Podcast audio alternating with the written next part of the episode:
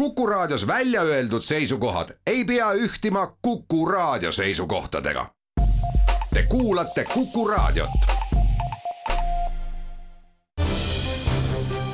lobjakas versus Vooglaid. tere, head Postimehe vaatajad ja Kuku kuulajad. eetris on järjekordne mis ta on siis installment, sorry sõna puudumise pärast, äh, väitlussaatest Vooglaid versus Lobjakas. tere, Varro. tervist, Ato ja tervist ka kõigile vaatajatele-kuulajatele. tore on sind taas näha stuudios. tore on siin olla. mitte enam Skynet, selle, mis ta on Skype'i kaudu äh, seinal, aga sellest me kohe räägime. saatel on kaks teemat, nagu juba võite arvata, üheks nendest on koroonakroonika tänane seis me siin hakkame vist astuma mingisuguseid samme selle eriolukorra lõpupoole, kuigi eriolukorda ütleme niimoodi ametlikult ei ole, aga elu on meil äh, väga suurte piirangute raames praegu toimiv. ja meil on ka teine teema, teiseks teemaks on äh, nõndanimetatud vilepuhumisprobleem või millele ma näen, et meedias on antud ka lokkulöömis või lokkulöömisprobleemi nimetus, see viimane mulle väga ei imponeeri, aga noh, olgu ta, jutt käib siis seaduseelnõus, eelnõust, mis läbis Riigikogus, ma saan aru, sel nädalal esimese lugemise, millega siis Eesti seadusandlus viiakse kooskõlla Euroopa Liidu nõudmistega ja luuakse siis võimalus üle viiekümne inimestelistes asutustes, kellele, kes siis soovib, võib kasutada võimalust millestki märku anda, millestki ebaseaduslikust märku anda, aga selleni me jõuame. alustame siis koroonaga nagu lubatud, sel nädalal, sel nädalal on olnud, äh, ma ei tea, mis see on, koerasaba äh, raiumisele vastupidine protsess või, või räägimegi me siin koerasaba raiumisest, igal juhul on öeldud, et võib-olla midagi hakkab juhtuma, kui see on väga tingimuslik sõnastus kõik, aga põhimõtteliselt liigutakse koroonapiirangute kaotamise suunas, koroonapassi võib-olla ka kaotamise suunas äh, taustaks on meil siin arengud ka regionaalsest ümbrus, ütleme Euroopa ümbruskonnast. Taani on loobunud, Rootsi vist loobub järgmisel nädalal, eks, ja siin Holland ja veel riike on loobumas enamusest nendest piirangutest. Eestis see, mis mulle meeldib iseenesest, on see, et see piirangute jätkumine või koroonapassist loobumise otsus seostatakse konkreetselt haiglate koormusega ehk siis noh, ütleme siis ma arvan, et argumentatsiooni või ütleme, põhimõtte, põhimõttelisest vaatepunktist ma saan aru sellest, et eriolukord või erilised piirangud kehtivad seni, kuni meil antud juhul tervishoiusüsteem äh, võimalik, et satub liigse koormuse alla. tähendab, jutt ei käi siin sellest, eks nagu võib ka aeg-ajalt lugeda, et, et meil on siin noh, kohustus hoolitseda enda tervise või ka teiste tervise eest ja sellise kohustuse seadmine inimestele on see problemaatiline aspekt, milles ma olen sinuga tihti ka nõustunud, aga seni, kuni jutt käib siis haiglate koormusest, ma ütleksin, et äh, kõik on enam-vähem okei okay,. kuigi sul võib olla sellele ka oma vaade. Äh, ma ei ole nüüd täpselt teadlik, mida peaks tähendama see, et seitsmeteistkümnendal veebruaril, kui haiglasse läheb vähem kui kakskümmend viis inimest, siis kahekümne esimesel loobutakse piirangutest või või enamustest piirangutest. ma ei, ma ei kujuta ette, mida see tähendab, see kakskümmend viis inimest, igal juhul ma saan aru, et haiglate koormus praegu on umbes pool sellest, mida nad oleksid võimelised taluma või isegi kolmandik. kui me võtame ainult koroonaga seonduvad äh, juhud. iseenesest mina siin ütleksin, et klaas on pooltäis, mitte pooltühi enam no mina ei ole rahul selle lubadusega, mille Kaja Kallas on andnud, et kahekümne esimesest veebruarist kaotatakse see ära, kui haiglasse ei lähe päevas rohkem kui kakskümmend viis inimest äh, koroona positiivsetena. no esiteks äh, paljud inimesed on juba juhtinud tähelepanu sellele, et see number on ebarealistlik, praegu olevat see number, ma ei ole täpselt kontrollinud, aga viiskümmend üheksa või midagi sellist, viimase kümne päeva keskmine, võib-olla natukene eksin siin numbritega, no suurusjärk, ma arvan, et on õige. et siis peaks olema kahekümne esimesel veebruaril poole vähem noh, öeldakse, et äh, ei ole tegelikult eriti tõenäoline see perspektiiv, et, et see ka nii läheb, ehk siis äh, paljuski minule paistab, et siin on ikkagi tehtud nüüd nõnda, et on antud mingisugune lubadus, mis kõlab lubadusena, mis tegelikult otseselt realistlik lubadus ei ole. et sellega inimesi justkui rahustada, öelge, tõmmake oma protestides tagasi, näed, lõpetame ju ära, eks aga tegelikult on see kõik tingimuslik ja seotud veel tingimusega, mille saabumine on pigem ebatõenäoline kui tõenäoline ja, ja kui me nüüd edasi läheme, siis võiks küsida, et aga vabandust, et miks peaks koroonapasside süsteemi lõpetamise üleüldse sellise tingimusega siduma? et kui me tuletame meelde, millistele ettekäändele toetudes see süsteem üleüldse sisse seati, siis selleks ettekäändeks oli, selle ettekääande tuumaks oli argument, et sellega me peatame viiruse levikut, eks. Tanel Kiik ja valitsuse liikmed kõik rääkisid sellest kui nakkusohutustõendit, tõendist. noh, kogu see asi osutus suureks valeks, eks, et ei olnud see mingi nakkusohutustõend. see, kas keegi on lasknud endale neid aineid süstida või mitte, ei tõenda kõige vähemalgi määral seda, kas ta on nakkusohutu või mitte kui see ühel hetkel sai nii ilmseks, et enam polnud võimalik seda retoorikat jätkata, no siis mõeldi välja uus õigustus, eks, et noh, see küll tõepoolest ei toimi nakkusohutustõendina, ei toi-, ei taga seda, et keegi ei nakatu, ei nakata teisi aga see tagab, eks ole, nüüd seda, et inimesed ei satu haiglaravile. et oluliselt vähendab seda tõenäosust, et inimesed satuvad haiglaravile.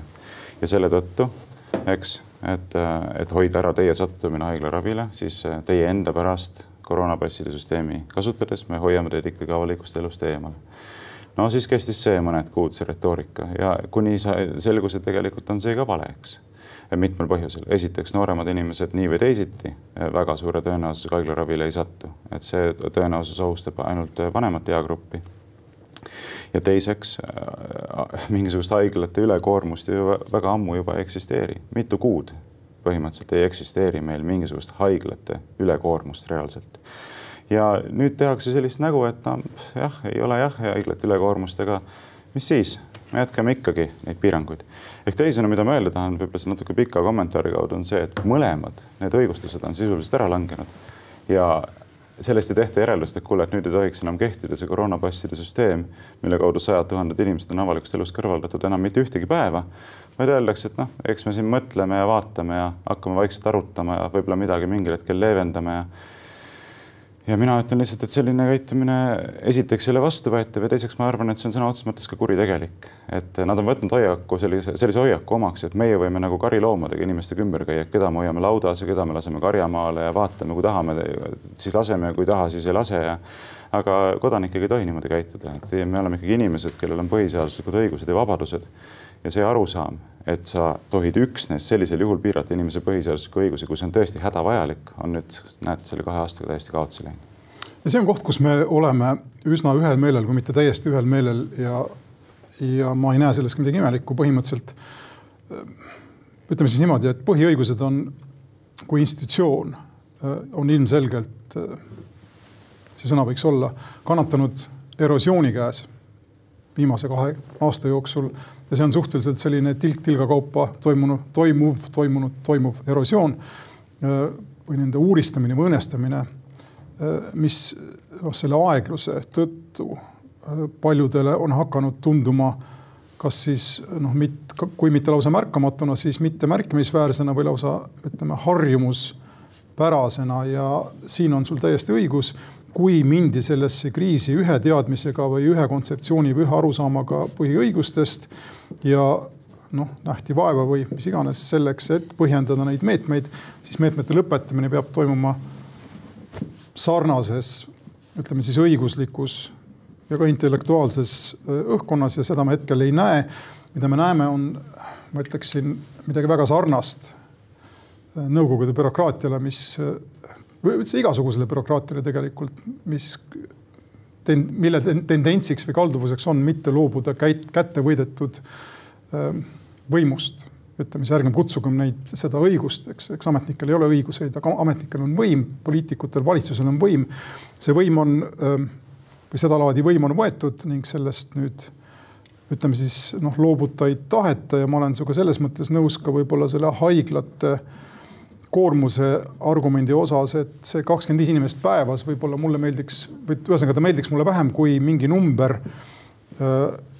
ütleme siis patsientide arv, nagu meil ju mõõdetakse või on mõõdetud siiamaani, palju on, oli aeg, kus öeldi ka raadios hommikuti, palju on haiglas patsiente, kes on seal koroonaga.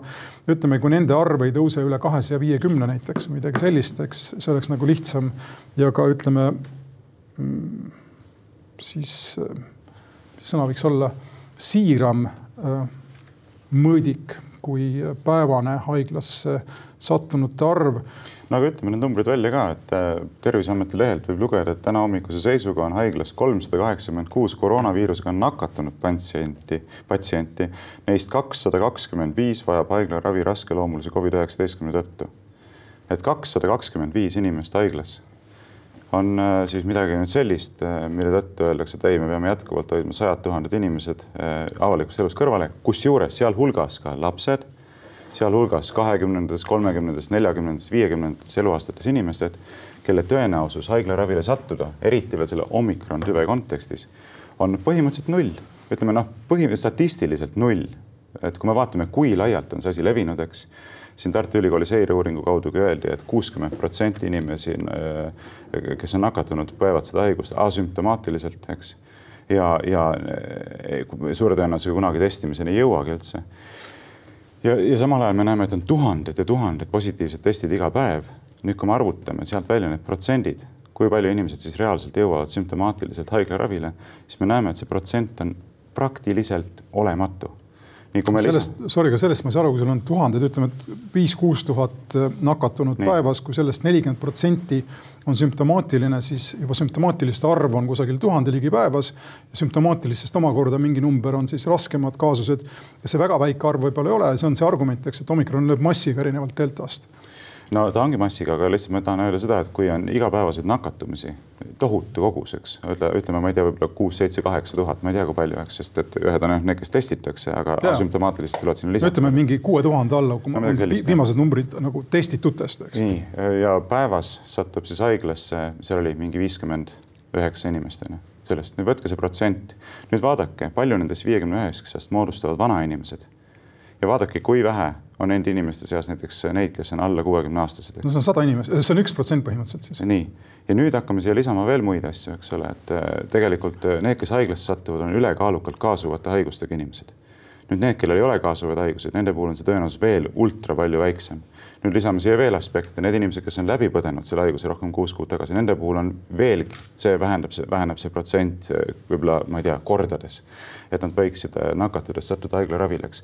aga mitte midagi sellest absoluutselt arvesse ei võeta, olgugi kõik teavad, et nende inimeste, suure hulga inimeste tõenäosus haiglaravile, praktiliselt kõigi nooremate inimeste äh, tõenäosus sattuda haiglaravile on noh, põhimõtteliselt olematu, statistiliselt olematu. ja muuseas, mina olen ka seda küsimust tõstatanud, et ajakirjanikud nüüd võiksid päriselt selle asja ära teha, kui on, ma tunnistan ausalt, mul ei ole olnud endal aega, et ise seda analüüsi ära teha.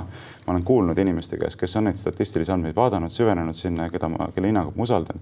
Nad on öelnud, et kui me praegu analüüsime selle omikron tüve ohtlikkust, siis me näeme, et see on vähem ohtlik kui gripiviirus. ja tehke faktikontrolli, võtke, küsige välja need andmed, ma tõesti, ma tunnistan ausalt, ma ei jõua teha lihtsalt ise aga kui keegi jõuab, see oleks väga väärtuslik, sest kui üks ajakirjanik tooks näiteks välja Postimehes, et jah, tõepoolest statistilistele andmetele tuginedes omikroni viirus on äh, vähem ohtlik tervisele kui gripiviirus, no siis oleks ju ühe hetkega täiesti selge, et noh, millest me üldse räägime, millest me räägime meil ei ole mitte kunagi gripiviirusega selliseid asju tehtud, nagu praegu tehakse nende sulgemiste näol. ja järelikult, äh, kui see on tõsi, noh, siis on täiesti selge, eks ole, et valitsus käitub kuritegelikult ja mitte mingit ratsionaalset alust sellel ei olegi. siin me jõuame tagasi ringiga minu, ühe minu esimese või esialgse mõtteni. see on äh, küsimus sellest, millega tegelikult on põhjendatud piirangud ja millega neid põhjendatakse avalikus debatis ja millega ütleme siis seadusandlikul tasandil ja avalikus debatis on äh, järjest levinud selline ebamäärasus. Äh, nii ühelt kui teiselt poolt, kui aus olla, piirangut põhjendatakse selliste, ma ütleksin noh, pehmelt öeldes suhteliselt juhuslike viidetega sellele, kuidas UK-s omikron käitub karmimalt kui mujal või ütleme, Iisraelis käitub karmimalt kui mujalt, mujal ja kuidas ka Eestis on tõusnud kergelt nooremate inimeste arv haiglates, samas kui on kergelt langenud vanemate inimeste arv, aga statistiliselt kõik see on noh, pehmelt öeldes ebamäärane. samas ka piirangute vastased räägivad tihti tasandil, et nii enam ei saa. ja noh, seegi pole mingi argument, mis minu jaoks on huvitav ja mis peaks olema nagu keskpunktis siin või ütleme siis, mida tuleks silmas pidada selles küsimuses, on küsimus sellest, kas me räägime siin ähm, nagu ma ütlesin ähm, konkreetselt tervishoiusüsteemi kestvusest või kestlikkusest või mis iganes mingi uudissõna võiks selle kohta öelda, ühesõnaga, kas sellest, kas tervishoiusüsteem tänases kriisis peab vastu ja mulle tundub, et sul on siin õigus. Äh, või skeptikutel on siin õigus, haiglasüsteem ei ole üle ujutatud hetkel koroonapatsientidest, eriti mis puudutab intensiivravi ning noh, see ei ole muidugi nüüd argument, eriti kui me räägime siin statistikast, aga mu enda lähikogemus viimase nädala või paari jooksul ütleb, et haigla ütleme siis meditsiinipersonal ise peab haiglat kohas, kohaks, kus kindlasti inimesed saavad koroona. ja seegi on ju iseenesest huvitav mõttekäik, sest et ükskõik sel juhul, kui vaktsineeritud sa oled ja ükskõik kui palju sul on neid äh, tõhustussüste tehtud, sa igal juhul saad selle omikroni, kui sa oled kohas, kus sinu ümber on piisavalt omikroni kandvaid inimesi. see tundub olevat eelduseks ka meditsiinipersonali seas, mis ütleb mulle seda, et äh, noh, ka vaktsineerimisega on nii nagu on ja kui ausalt öeldes, ausalt öeldes, kui vaadata ka näiteks debatte välismaal Saksamaal just, kus käib jutt võimalikust üle kuuekümne aastaste sundvaktsineerimisest, siis ka seal on jõutud selle debatiga sinnamaani, et äh, vaktsineerimine iseenesest ei, ei päästa kedagi. Mis sest, et tõsi on ka see, et vaktsineerimine aitab riskigruppidel kergemini läbi elada äh, selle äh, koroona, aga nüüd tulles tagasi enda mõtte nagu keskme juurde, seni kuni ühesõnaga niipea, kui me oleme edasi liikunud sellest mõttest, et, et, et tervishoiusüsteem ei pea vastu ja, ja kui järele jääb ainult see mõte, et, et noh, nii on meile parem, ütleme siis ma ei tea, kodanikkonnana või elanikkonnana või ühiskonnana, et meil need piirangud on, meid jääb vähem haigeks, siis me oleme kohe samal pinnal nagu noh, me oleme, ma ei tea, suitsetamise piiramise või alkoholivastaste meetmete ja muu sarnasega. tekib küsimus sellest, millise, milline on riigi või ühiskonna õigus ettehoolde korras hakata inimestele ette kirjutama seda, mida nad teevad. ja noh, ma saan aru suitsetamise piiramisest ja ka alkoholi tarbimise, ütleme siis kaudsest piiramisest, reklaami keelamisest ja muust sarnasest, eks, aga kui me kui me võtame ära põhiõigused, siis me oleme hoopis teises ooperis ja, ja siin ma olen sinuga ühte meelt, siin tuleb rääkida sellest, mis on oluline ja oluline on see, et me piirame institutsiooni, ühte institutsiooni, ühte jalga, millel meie ühiskond seisab, eks ja meie ühiskond on nagu tool, kui sa selle ühe jala ära võtad, siis vaikselt hakkavad ka teised äh, siin varisema ja, ja seetõttu ma vaatan ka noh, ütleme siis ambivalentselt või kahetise pilguga neid proteste, mis eile toimusid ja mida sina aitasid organiseerida. ühtepidi ma tahaks öelda, et tegemist on selliste, sellise läbi nina meie ei hinga brigaadiga. Eesti inimene tuleb välja selles kriisis, on üsna rumal, ta ei oska maski kanda suurelt ja altku vaadata, eks noh, hoitakse seda niimoodi siin suu peal, aga, aga noh, ühesõnaga ta on näos, aga nina ei kata paljudele. Need inimesed ei hinga läbi nina millegipärast, aga teistpidi need inimesed seisavad ka noh, teades või mitte teades nende samade põhiõiguste eest ja, ja siin, siin on mõttekoht ka. sellestki võib rääkida.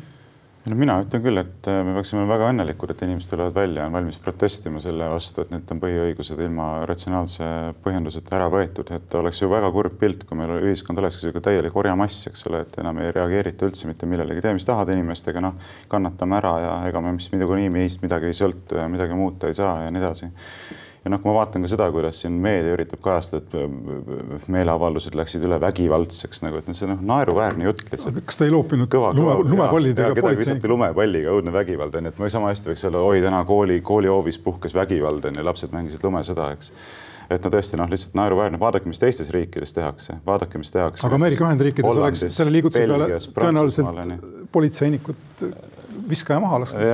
see oleks granaat olla. julgen kahelda et noh, põletatakse autosid, eks rüüstatakse poode, tehakse igast asju, ma ütleks vastupidi, politsei ja poliitikud võiks öelda, et Eesti rahvas väärib tunnustust, et meie protesteerime nii tsiviliseeritult ja rahumeelselt. ja no kui sinna juba jutt läks, ma ütleksin ka teist asja, et minu meelest politsei käitus eile äärmiselt rumalalt ja tegelikult ka väga problemaatiliselt. mitte mingisugust sisulist põhjendust ei olnud sellel, et takistada inimestel autodega Toompealt läbi sõitmast ja, ja et seda tehti, siis loomulikult provotseeriti ise konflikti, eks, et äh, mis õigusega, ma tahaksin üleüldse teada, politsei takistab inimestel meeleavaldamise sellisel viisil. Toompeal on liiklemisala, sinna võib autoga sõita, sealt saab teha tiiru ümber selle no lähed ümber Nevski katedraali, siis lähed sealt Toomkiriku eest läbi ja tuled tagasi, sõidad alla, et see oli nagu idee, et sõita läbi seda, näidata, et väga paljud inimesed on üle Eesti tulnud ja näitavad ennast, et nad on kohal, eks ole, ja politsei blokeeris teed ära, sest me ei lase teid üles. minu esimene küsimus on see, mis on see õiguslik alus, millele toetudes võib üleüldse politsei hakata takistama kodanike poolt oma põhiseadusliku õiguse kasutamist avaldada meelt. ja kas tavaliselt... tellimus tuleb valitsuselt, kas valitsus tellib õiguskaitseorganeid, et ärge laske meie vastu meelt avaldada? see teine küsimus on muidugi väga huvitav, aga siin me selle aruteluga kaugele ei jõua, sest kumbki meist ei tea tegelikult aga tegelikult võiks hakata nüüd küsima, kust tuli võiks küsida, aga esimene küsimus on huvitavam selles mõttes, et siin on, millest rääkida ka teoreetiliselt.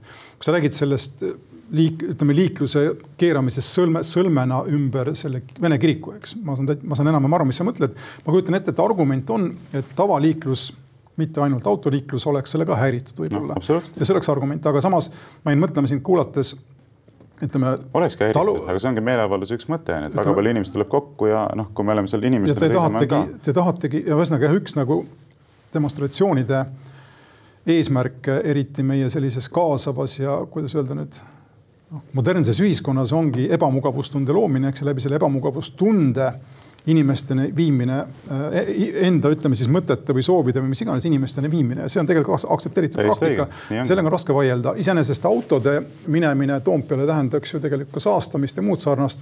mul puudub siin ausalt öeldes arvamus, aga kuhu ma lihtsalt jõuda tahtsin, on see, et ma jäin mõtlema maainimeste protestide peale, mida äh, näiteks Brüsselis Euroopa Liidu instantside ümber kardetakse rohkem kui minu pärast näiteks tšetšeenide proteste või midagi sarnast, eks. kui tulevad, tulevad põllumehed traktoritega, siis on politsei väljas relvastatud ja siis on ka vigastatuid tihti ja muud sarnast.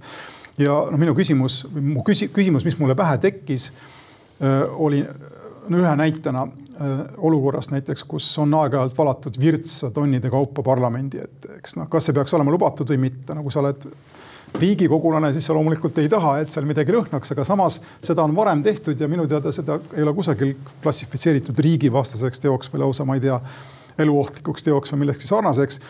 ja kust tõmmata siin joon ja ma jälle kaldun problemaatiline, nii problemaatiline kui see ka pole, kaldun sinuga nõustuma, et see, et selle joone tõmbamist tuleb väga hoolega jälgida, sest et noh, vabalt võib olla niimoodi, et mis kümme aastat tagasi oli lubatud, on viieteist aasta pärast noh, puht nagu ametkondlikust ja enamuse ratsionaalsusest kantuna lihtsalt liiga ütleme siis tüütav või kuidas öelda nüüd, mitte tingimata ohtlik. ebamugav. ühesõnaga ta klassifitseeritakse kuidagi administratiivselt millekski, mida ei tohi enam teha, eks. ja see on samamoodi selline samm-sammu kaupa õiguste äravõtmine nagu see, millest me rääkisime siin paar minutit tagasi ja siin ma kipun sinuga ühte meelt olema, kuigi ma ei jaga nende demonstratsioonide äh, ütleme siis sisulist poolt võib-olla, aga. aga see polegi oluline. aga neid jah, neid võimalusi ennast väljendada kiputakse meil samm-sammult ära võtma ning selle samm-sammundusega või selle vaikse erosiooniga luuakse mulje, et midagi tegelikult ei juhtugi ja siin on probleem ka liberaalidel on ka siin, peaks olema probleem. siin on tõsine probleem ja ma omast kogemusest võin ka öelda, et me oleme teinud neid pikette meeleavaldusi päris palju ma olen näinud kahte täiesti erinevat mustrit, et kui politsei on kohal meeleavaldustel või pikettidel selleks, milleks ta peabki seal kohal olema, et tagada kodanike õigust avaldada rahumeelselt meelt ilma kolmandate osapoolte sekkumiseta, eks siis laheneb kõik väga ilusasti ja kenasti. inimesed käituvad viisakalt, inimesed on tänulikud politseile selle eest, et nad turvavad seal, eks ole, hoiavad ära võimalikke provokatsioone. kõik toimib väga kenasti ja näiteks piketid meil Stenbocki majas ongi täpselt niimoodi toimunud. nüüd see, mis juhtus eile, oli nüüd täpselt selle teise mustri sissetoomine, et politsei tuuakse välja mitte selleks, et aidata ja toetada, et inimesed saaksid oma põhiseaduslikku õigust kasutada, meelt avaldada, vaid selleks, et takistada selle õiguse kasutamist ja vot siis läheb jamaks. aga siis läheb ootuspäraselt jamaks ja, ja mis juhtus seal eile, kui inimesed läksid sealt mäest alla pärast, kui meeleavaldus oli lõppenud, eks, siis äh, astuti välja ühe mehe kaitseks, keda politsei üritas ära vedada, kuna see mees ei nõustunud sellega, et teda ei lubata Toompeale sõita, eks. ilma mingisuguse sisulise õigusliku argumendita, et miks tegelikult praegu takistatakse sellisel viisil meelt avaldada, et autoga sealt läbi sõita ja, ja siis hakkaski see rüselus seal pihta, mis seal toimus, aga politseil on siin nüüd hästi tõsine mõttekoht minu meelest, et mida te teete? Te tulete kohale, et takistada kodanikel oma põhiseadusliku õiguse kasutamist meelt avaldada. ja siis sellisel juhul meil on poliitiline politsei.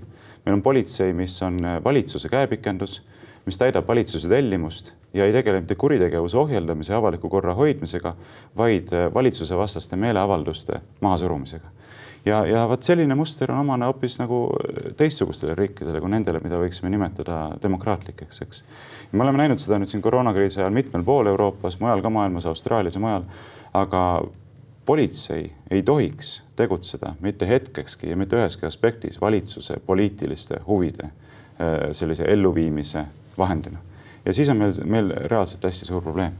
see on, küsimus on avaliku ja poliitilise või valitsuse huvi ähm, kokkupuutepunktis, kuivõrd need kattuvad ja kuivõrd need on kunstlikult nagu kattuma pandud ja see on selline väga huvitav territoorium, seda äh, praktiseeritakse väga meisterlikult meie idanaabri valdustes ja ütleme noh, kui vaadata seal, mida tehakse seal opositsiooni ja, ja muuhulgas ka meeleavaldustega.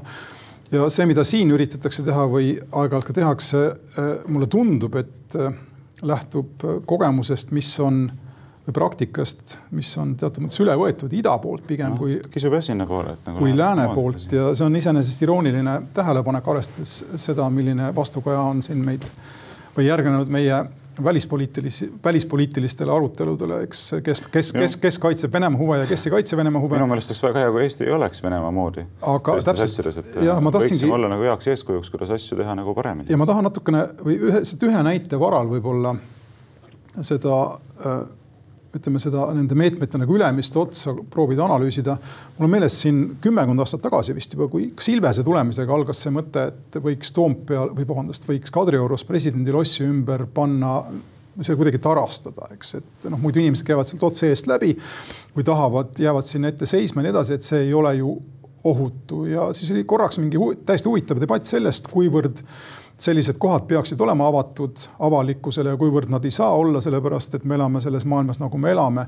minu arvates siin ongi see noh, nagu kõige olulisem rindejoon, eks, mida samm, mida enam ütleme, sammud, mille me astume tagasi äh, avalikkuse huvist ja selleks, et arvestada siis noh, võimalikke terroristlikke ohte ja muid sarnast. Need on sammud, mida me kaotame vabaduses. Need on sammud, milles, millega me sulgeme või siis taandame selle piire, mis on avatud ühiskond ja ma ei näe, et väga paljud inimesed oleksid sellest teadlikud või see, see neid ka huvitaks ja need, kes on teadlikud, see neid võib-olla isegi ei huvita, kui nad on, kui nad on poliitikud ja valitsuse ministrid parajasti, aga samamoodi seesama, seesama Toompea, noh, seesama auto, autokett, eks noh, mina võib-olla oleksin ta ära keelanud keskkonna keskkondlikel põhjustel, tegemist on saastamisega, kui järjest sinna mäkke sõita, eks autode mootorid on ülekoormuses ja nii edasi. mis võiks Riigikogu omad ka jätta aga ma ei näe, aga ma ei näe, millist julgeolekuprobleemi alusesse parklasse ei, seda ka jah, täpselt, siin on see küsimus, miks Riigikogu. käigujala niikuinii liiga suur osa neist on ülekaalus. pargivad sinna ette, see kõik on õige. mulle eilst, mul tekkis nagu mõte, et üks argument võiks olla, eks, et kardetakse mingit pommi, aga noh, Eestis pole selleks mingit alust ja kui hirmust sulgeda see, mis täna on avalik või tagasi võtta seda, mis täna on avatud ja avalik, siis me ise müürime ennast lõpuks sisse, eks ja nii on ja ma ütlen, et see olukord on kokkuvõttes kujunenud ka ikkagi totaalselt absurdseks, et ühelt poolt rakendatakse piiranguid, millega me müürime ennast ise sisse, teiselt poolt äh, valitsuse liikmed ise tunnistavad, eks ole, et need piirangud on muutunud mõttetuks. et kõige markantsem näide minu meelest on see, et politsei siiamaani käib ringi, eks kontrollib, kas kohvikutes ikka kontrollitakse koroonapasse ja kui kontrollita, siis teeb trahvi, eks. no selline on seadus. jah, selline on, selline kehtiv kord, eks valitsuse poolt no. kehtestatud kord. samal ajal siseminister, kelle haldusalasse politsei ise kuulub kuulutab avalikult, et koroonapasside süsteem on ennast ammendanud ja mõttetuks osutunud, onju. ja ikka kehtib edasi. et see on, ma ütlen, siin mina mõtlen ka nagu politseinike peale, et ma ei häbene seda tegelikult üldse ütelda, et äh, eile meeleavaldusel ütlesin sama asja, et kui valitsus ei lõpeta neid mõttetuid piiranguid ära, siis kodaniku ülesanne on lõpetada ise need ära. et tegelikult me teeme kõike seda iseendale meid ei saa allutada mitte mingisugustele piirangutele, välja arvatud juhul, kui me hakkame iseennast nendele piirangutele allutama. näiteks kohvikud, restoranid, ärge küsige enam koroonapassi ja inimesed, ärge näidake koroonapassi, lihtsalt noh ega mis nüüd siis juhtub, et arvate, et äh, tulevad hirmsad trahvid, asjad, samal ajal kui valitsuse liikmed ise tunnistavad, et see süsteem on mõttetuks muutunud, et mida siis kohus peaks sellises olukorras tegema? valitsus kehtestab piirangud, nõuab nende järgimist ja samal ajal ise avalikult kuulutab, et need piirangud on mõttetud. kohus ütleb ei, mina arvan, et need piirangud on ikkagi olulised ja trahv tuleb jätta jõusse, noh, see on naeruväärne. ja inimesed ei tohi käituda nagu orjad, et äh, truualamlikult kõiki neid mõttetuid piiranguid jõustada ja politseinike puhul samamoodi ärge kontrollige neid asju, ärge minge trahvi tegema nüüd inimestele selle eest, et nad ei näita seda pass, passi, mida politsei äh, kõige kõrgem ülemus selles mõttes, poliitilises mõttes, Kristjan Jaani, siseminister ise ütleb, et need piirangud on mõttetud, eks. et lõpetame selle pulli lihtsalt ära. siin ma oleks, siin mul on kerge kahtlus. võin ühe näite veel tuua, sa lubad kiiresti? lihtsalt ma... absurdsusest onju.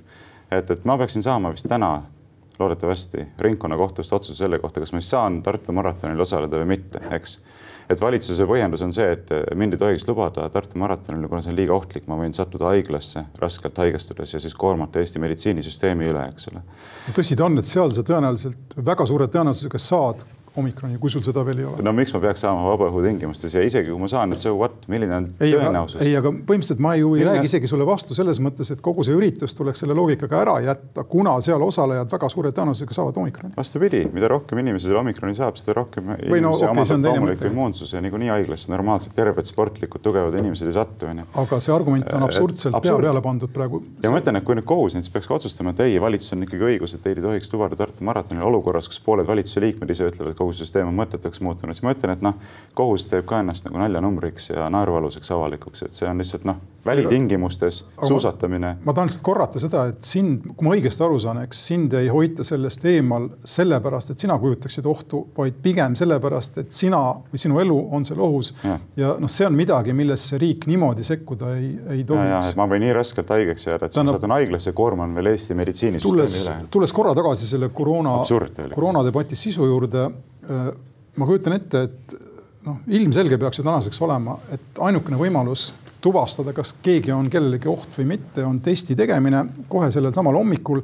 minu teada tehakse sedasama näiteks malevõistlustel, iga päev teed kaks testi ja kui üks test on positiivne, kohe oled väljas, eks. aga sind ei, nojah, sind ei jäeta eemale sellest võitlus, võistlusest, kui sul ei ole ma ei tea, vaktsineerimistõendit või sul pole koroonapassi, küsimus on ikkagi selles, kas sa antud hetkel kannad viirust või mitte. ja see, ja see on ju tuvastatav suhteliselt lihtsalt. no täpselt, ma ütlen, testid tuleks, testid tuleks tuua üldiselt tagasi kogu sellesse debatti. viimane mõte, mis mul on seoses selle koroona ja protestivärgindusega. kaks mõtet. ma loodan, et ma saan nad lühidalt esitatud. esiteks see tagasivõtmise küsimus, millest sa rääkisid siin või et me ise otsustame, mis on aktsepteeritav ja mis ei ole.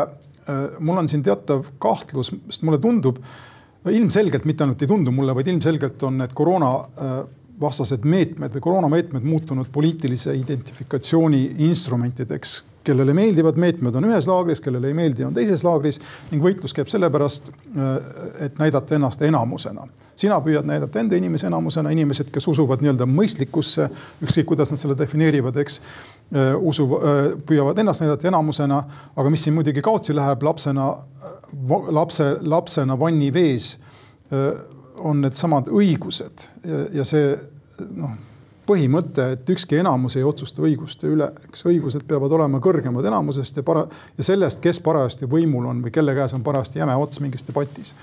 see on üks mõte. teine mõte, mis mulle või teine asi, mis mulle silma jäi, üks väheseid pilte, ma ei, ma ei tarbi eriti meediat, eriti Eesti meediat, aga mul üks väheseid pilte, mis sinu protestidest, sinu juhitud protestidest mulle silma jäi, oli ühest äh, vanem, ütleme sihukesest vanemas keskeas mehest, kellel olid pooled hambad puudu. mis oli pandud noh seda asja nagu illustreerima. ma saan sellest mõttekäigust. suur tänu meediale siukse. ma saan mõttekäigust aru, eks, et no näed, siin on rumal inimene, kellel pole isegi hambaid, aga see on üks kõige silmakirjalikemaid ja ütleme noh tauni, põlastusväärsemaid asju Eestis üldse arvata, et inimesed, kellel ei ole raha selleks, et lubada endale väga kallist hambaarstiteenust, oleksid kuidagi meist halvemad või rumalamad. ma arvan, et kui te kõik järele mõtlete, ajakirjanikud kaasa arvatud, siis te teate inimesi väga hästi, kellel on kuldsed südamed, kuldsed käed, kellel lihtsalt ei ole elus õnnestunud noh, nii palju raha kokku ajada, eks, et tänases Eestis endale hambad suhu panna. ja see, selle argumendi loomine, selliste, ütleme selle, seda tüüpi argumentatsiooni loomine, seda tüüpi piltidega on lihtsalt põlastusväärne, sorry ja ma arvan, et see, kui sul on mõned äh, hambad puudu, on palju väiksem probleem äh, inimliku väärikuse, kodaniku väärikuse seisukohast kui see, kui sul on puudu mõtlemisvõime või südametunnistus on ju, et, et äh, ja. võiksime asjad ka perspektiivi panna. aga teeme siin väikse vahe, et naasta. lobjakas versus Vooglaid. meil on nüüd selline päris, päris suureks kasvanud vaeslaps siin veel üks teema, mille arutamiseks on meil rohkem kui kümme minutit. Äh, mis on päris hästi ja teemaks on siis see vilepuhumisküsimus. Eesti on äh, asunud Euroopa Liidu direktiivi jälgedes siis loomas seaduslikku võimalust inimestele, kes äh, vähegi suuremates ettevõtetes või institutsioonides või asutustes midagi ebaseaduslikku märkavad siis võimalust neile sellest äh, mingeid kanaleid pidi teada anda. see on iseenesest huvitav mõte, ma ei ole päris kindel, et ma aru saan või ka usaldaksin mehhanismi, kus näiteks minu firmas luuakse mingi email, emaili aadress, kuhu ma siis anonüümselt võiksin kirjutada millestki, mis mulle, millest ütleme noh, halvast või korda rikkuvast, mis mulle on silma jäänud. Esiteks ma arvan, et anonüümselt ma kirjutada ei või, aga niipea, niipea kui ma kirjutan enda asutuse emailile, ükskõik, mis sinna on kirjutatud, siis ombudsman või ma ei tea, mis veel, eks. oma nime all, siis ma ju kohe riskin sellega, et mu nimi tuleb välja, eks ja kõik. ühesõnaga anonüümsusele siin suurt nagu tähelepanu pole osutatud, võib-olla, et kuidagi sellele on mõeldud, igal juhul anonüümsus on oluline aspekt kogu selle vilepuhunduse juures ning äh, jah, see, et luuakse seadusega võimalus või õigus või garanteeritakse see, et mind lahti ei lasta, kui ma vilet puhun, ei pruugi praktiliselt palju tähendada, kui mulle elu võimatuks tehakse minu viiekümne inimeselises asutuses või institutsioonis või organisatsioonis, mis ei ole üldse võimatu ja mis, mis, mis on pigem see, mis juhtub, ma arvan. ja, ja noh, kogu seda teemat tõsiselt võtta ja mina olen ise vilepuhumise väärtustamise või kaitsmise noh, selge pooldaja, mul ei ole mitte midagi selle vastu, ma arvan, et see on, see on midagi õiget. ma arvan, et need garantiid ja nii edasi tuleks luua hoopis teisel tasandil kui äh, ettevõtte või asutuse kaudu. see kõlab kõik väga nõukogudelikult. kaebuste ja ettepanekute raamat, palun väga, pange kirja, mis te tahate ja siis, siis vaatame edasi, eks, aga kui te, kui, kui, kui seal on teie nimi all, siis te ei saa tuusikut välismaale ja, ja nii edasi. ma, ma näen ette selliseid asju juhtumas ja seda on väga raske äh, või järelevalvet selle, selle üle teostada on äärmiselt keeruline, kui mitte võimatu. Nojah, ma olen äh, täiesti nõus selles mõttes, et äh, et selle asjaga saab teha palju rohkem kahju kui kasu. et nagu ikka tihtipeale, eks vihakõne kriminaliseerimise ja nende asjadega, et sul on mingisugune iseenesest hea eesmärk, eks. aga sa teed seda viisil, millega tegelikult põhjustatakse ühiskonnale väga-väga palju rohkem kahju kui kasu, eks no nagu nendes muinasjuttudest see karu, eks, kes peremehe pea pealt lõi selle millega, kirvega või nuiaga selle kärbse maha, eks. kärbes sai surma. käpaga. käpaga, jah, kärbes sai surma, aga peremees ka paraku, et et eesmärk sai täidetud, aga collateral damage nagu inglise keeles öeldakse või kaasuv kahju osutus nagu väga palju suuremaks. ja mulle tundub, et siin on samasuguse asjaga tegemist, et see, millist mõju selline pealekaebamise süsteem, mina nimetaksin seda just nimelt pealekaebamiseks, mitte vilepuhumiseks või lokkulöömiseks, sest vaat siin on oluline erinevus, kui puhutakse vilet siis kõik kuulevad seda, vile. et definitsioonist tulenevalt on kuuldav asi, lokkulöömine ka on äh, valjult mingile probleemile tähelepanu juhtimine. siin on just täpselt vastupidine printsiip, et seda saab teha salaja, vaikselt, nii et keegi ei märka, ise anonüümseks jäädes kellegi peale kaevates. nii et ma arvan, et pealekaebamise seadus äh, selles vormis on palju adekvaatsem kirjeldus kui äh, lokkulöömise seadus aga miks sa võtad siia? see mürgitab seda kliimat, et kõik teavad, et keegi kaebab kellegi peale, jäädes ise anonüümseks, ei julge võtta vastutust, et öelda avalikult välja, ja vot see mees tegi siin sellist asja, näed, tegi korruptiivset asja. Võtan vastutuse oma sõnade eest, tulen sellega välja, reaalselt puhun vilet, eks ole. et see oleks nagu väärikas lähenemine asjale, kui niisugune väikese hingeliste inimestele niisuguse soodust, soodsate tingimuste loomine teineteise peale kaebamiseks noh, see on väga-väga halb mõte, ma arvan. sellest mõttekäigust ma ei saa aru, ma nägin, et ka doktor Vahtre on kusagil kirjutanud ERR-i portaalis, kui ma ei eksi, millestki sarnasest, et tegemist on pealekaevamise õhutamisega. No siin on, see meenutab mulle väga seda, millist juttu rääkis Reformierakond möödunud kümnendi alguses, kui puhkes kilekoti skandaal, siis see võrdlus või metafoor, mida kasutati, on see, et meil on siin perekond, eks me saame ise hakkama, pole vaja kellelgi väliselt sekkuda.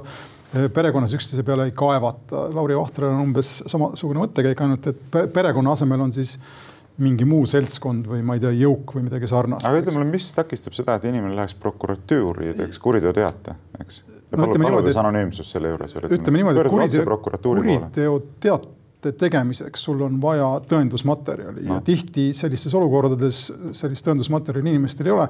ja no ma ei oska. sul ei ole tõendusmaterjali, siis võib-olla ei peakski kaevama hakkama no.. nii, aga kui sa näed näiteks noh, ma ei tea, ütleme niimoodi, et ma näen ma, see sõltub kõik, eks, mis tasandi rikkumistest me räägime, mulle väga meeldiks, kui näiteks Tallinna, mis iganes autobussikoondises või mis iganes Tallinna linnavalitsuse element juhib praegu meil ühistransporti, eks.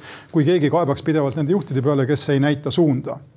See oleks väga tore asi ja minu arvates väga õigustatud, kuna tegemist on mitte ainult liiklusrikkumisega, vaid ka näiteks jalgratturite elu ohtu seadmisega, kui buss tõmbab järsku välja või teiste inimeste elu ohtu sead, seadmisega, eks. ma hästi ei kujuta ette, kuidas sellise asja peale teha prokuratuuri või, või minna politseisse ja teha kaebus, mille peale politsei midagi teha saab.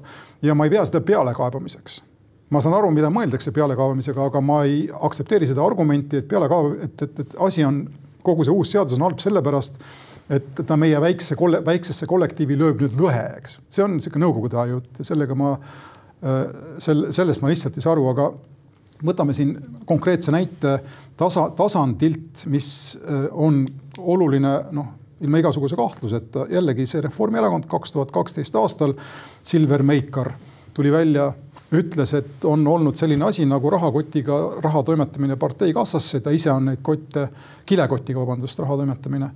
Ta ise on neid kilekotte toimetanud, mis temast sai ja mis temast saada oleks võinud uue seadusega, ma ei, ma ei näe, et sellist noh, suurt vahet oleks sellel kõigel. näiteks tema vaatepunktist MTÜ Reformierakond, väike perekond, suur perekond arvas ta häbiga välja enda ridadest või sundis ta lahkuma. ma arvan, et ka täna sunnitakse teda lahkuma ja, ja teda või temasuguseid inimesi kes teevad ühiskonna vaatepunktist väga tähtsaid asju nagu Edward Snowdengi, ei kaitse ikka mitte midagi ka selle uue seaduse vastuvõtmisel ja see on probleem ja, Snowdeni puhul on ka hoopis teine lähenemine, mees tuleb avalikult välja, paljastab need dokumendid, eks ole, mitte ei hakka tagaselja kuskil kellegi peale sõsima, eks. ja, aga ta elu on läbi ja mina tahaksin, et oleks seadus või ütleme siis seadusandlik kontekst, kus sellise inimese elu enam ei oleks no,. tema läbi. elu on läbi sellepärast, et Ameerika Ühendriigid käitub, äh, käituvad kuritegelikult, eks. inimene oletame... paljastas mastaapse kriminaalse tegevuse inimkodanike järgi nuhkimisel ja nüüd selle eest okay. tahetakse vangi panna. siin nüüd... on nagu probleem sellega, et tegemist on kuritegeliku käitumisega riigi poolt. aga täiesti hüpoteetiliselt nüüd keegi tuleb ja paljastab näiteks hüpoteetilise korruptsiooni Eesti kaitsehangetes mis nagu ma tean, on väga suured. siis Eesti Vabariigi valitsus hakkab maksimaalselt pingutama selle nimel, et see inimene, kes selle paljastas, vangi saaks, panna. saaks täpselt, minu küsimus ongi see, et kas Eesti Vabariigi valitsus hakkab pingutama selle nimel, et see inimene saaks jätkata enda normaalset elu või nagu sa ütled, hakkab pingutama selle nimel, et see inimene vangi panna no,. mis sa arvad, kumb juhtub, mis no, me arvame ma, ma olen võrdlemisi kindel, et hakkab toimuma see ikkagi see represseerimise asi. ühesõnaga sellist inimest see seadus ei aita, ma kardan. ei aita jah, ja noh siin on tegelikult palju aspekte, millest võiks rääkida, eriti siis, kui nagu süveneks rohkem sellesse teemasse. ma küll lasin silmad üle sellest eelnõust, aga ma ei ole korralikku analüüsi teinud.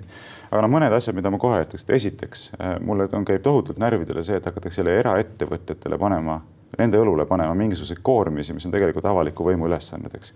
avaliku võimu ülesanne on tegeleda kuritegevuse tuvastamise, selle menetlemisega ja nii edasi. aga siin pannakse, et ei, iga ettevõte peab ise ühe töötaja, eks ole, määrama selleks talle palka maksma selle eest, et tema menetleks neid kaebusi ja koguks ja annaks tagasisidet kaebajatele, nii edasi. kes selle inimese palka maksab, sama ettevõte peab maksma, mille eest? selle eest, et ta täidaks avaliku võimu ülesandeid. Kus... sama asi oli vaata koroonapasside süsteemiga, et pange siis terviseametnik iga kohviku ette, iga restorani ette seisma, kes tegeleb sellega, miks te panete ettevõtjate õlule avaliku võimu ülesannete täitmiseks. et see oli minu meelest sigadus, mida ei oleks tohtinud mitte kunagi teha ja seda ei oleks tohtinud aktsepteerida, ütles, et tahate kontrollida, kontrollige, seiske aga... tehke, mina ei hakka teie tööd teie eest ära tegema ilma rahata. ei, aga positiivset siin siiski on ja üks positiivne aspekt sellise seaduse vastuvõtmise puhul, ma kujutan ette, võib-olla natukene naiivselt, on see, et inimesed, kes vile puhu, vilet puhuvad vähemalt ei saa kaotada enda töökohta või kohe sattuda rasku, raskustesse, sest et vastasel juhul oleks ilmselge, et see on motivatsiooniks, eks.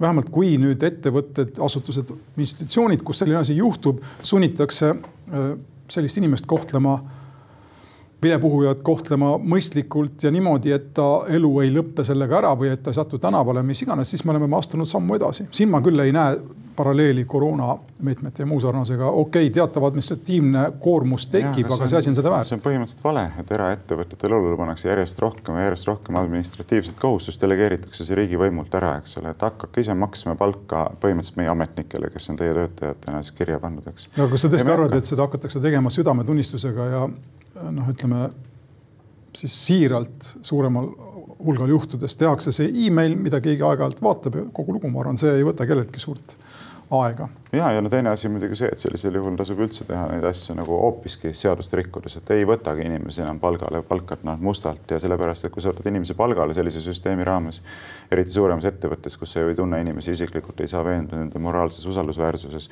siis on nii, et väga lihtne on tekitada endale positsioon, kus sind ei olegi võimalik enam vallandada, olgugi et sa oled väga laisk ja vilets töötaja. aga siin on teine probleem, mille sa oled korra kahe silma vahele jätnud, siin on maksuamet kes ei luba inimesi võtta ilma palgata tööle või ilma äh, lepinguta tööle. ei no muidugi ei luba, ma tean seda, aga no eks me liigumegi nende korralduste raames järjest sellise ühiskonna korra poole, reaalse ühiskondliku olukorra poole, kus inimesed lihtsalt ei täida neid kehtivaid seaduseid, noh täpselt nagu nende koroonapiirangutega, sa võid ju neid kehtestada küll, aga inimesed lihtsalt ei pea nendest kinni.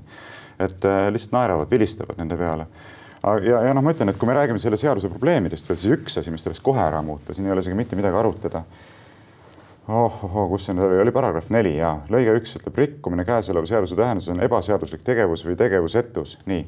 rikkumine käesoleva seaduse tähenduses on ka tegevus või tegevusetus, mis ei kujuta endast õiguse rikkumist, vaid on vastuolus õigusnormi eesmärgiga. ehk teisisõnu, mida nad teevad õhutavad inimesi peale kaebama ka sellise tegevuse peale, mis tegelikult on täiesti seaduslik, eks, aga kellegi arvates noh, problemaatiline, murettekitav niimoodi. ma ei suuda kohe endale kiirelt ette manada mingit sarnast olukorda, aga üldiselt vahe tegemine seaduse nii-öelda tähe või sõna ja seaduse vaimu vahel on ju mõistlik, eks, ja tihti on niimoodi, et sa seaduse tähte jälgedes seaduse vaimu saad eirata no,. see on õigusriigi oleks... printsiibiga vastuolus, on teod, mis on seaduslikud ja on teod, mis on ebaseaduslikud. see piir on väga selge, me ei saa hakata hägustama seda niimoodi. päriselt nõus, ka õigusriigis kindlasti on olulisem seaduse tähendus või seaduse vaim lõppkokkuvõttes kui seaduse. aga mis siis järgmiseks, hakkame inimesi karistama näiteks ka kriminaalkorras tegude eest, mitte ainult tegude eest, mis on määratletud kuritegudena, vaid ka tegude eest, mis otseselt kuritegudena määratletud ei ole, aga on seadusandja mõttega nagu vastuolus, eks. kuhu me jõuame niimoodi? ma olen sinuga põhimõtteliselt nõus, aga põhi, no ma ei tea, ma ei oska muud näidet tuua jälle, kui omaenese elust siin õhust nopitud täiesti suvaline või juhuslik näide sellest, kuidas meil on loodud äh, seadusandlik kontekst, kus inkassofirmadel on väga li lihtne opereerida ja saata näiteks vanainimestele, kes tihti on noh, kellest arvatakse, et nad on hirmutatavad ja nii edasi, äh, sõnumeid või kirju äh, võlanõuetest, mis on ammu aegunud, mis jätavad mulje, et kui nad kohe ära ei maksa, siis juhtub nendega midagi väga halba, tuleb lausa kohtuväline lahend, eks.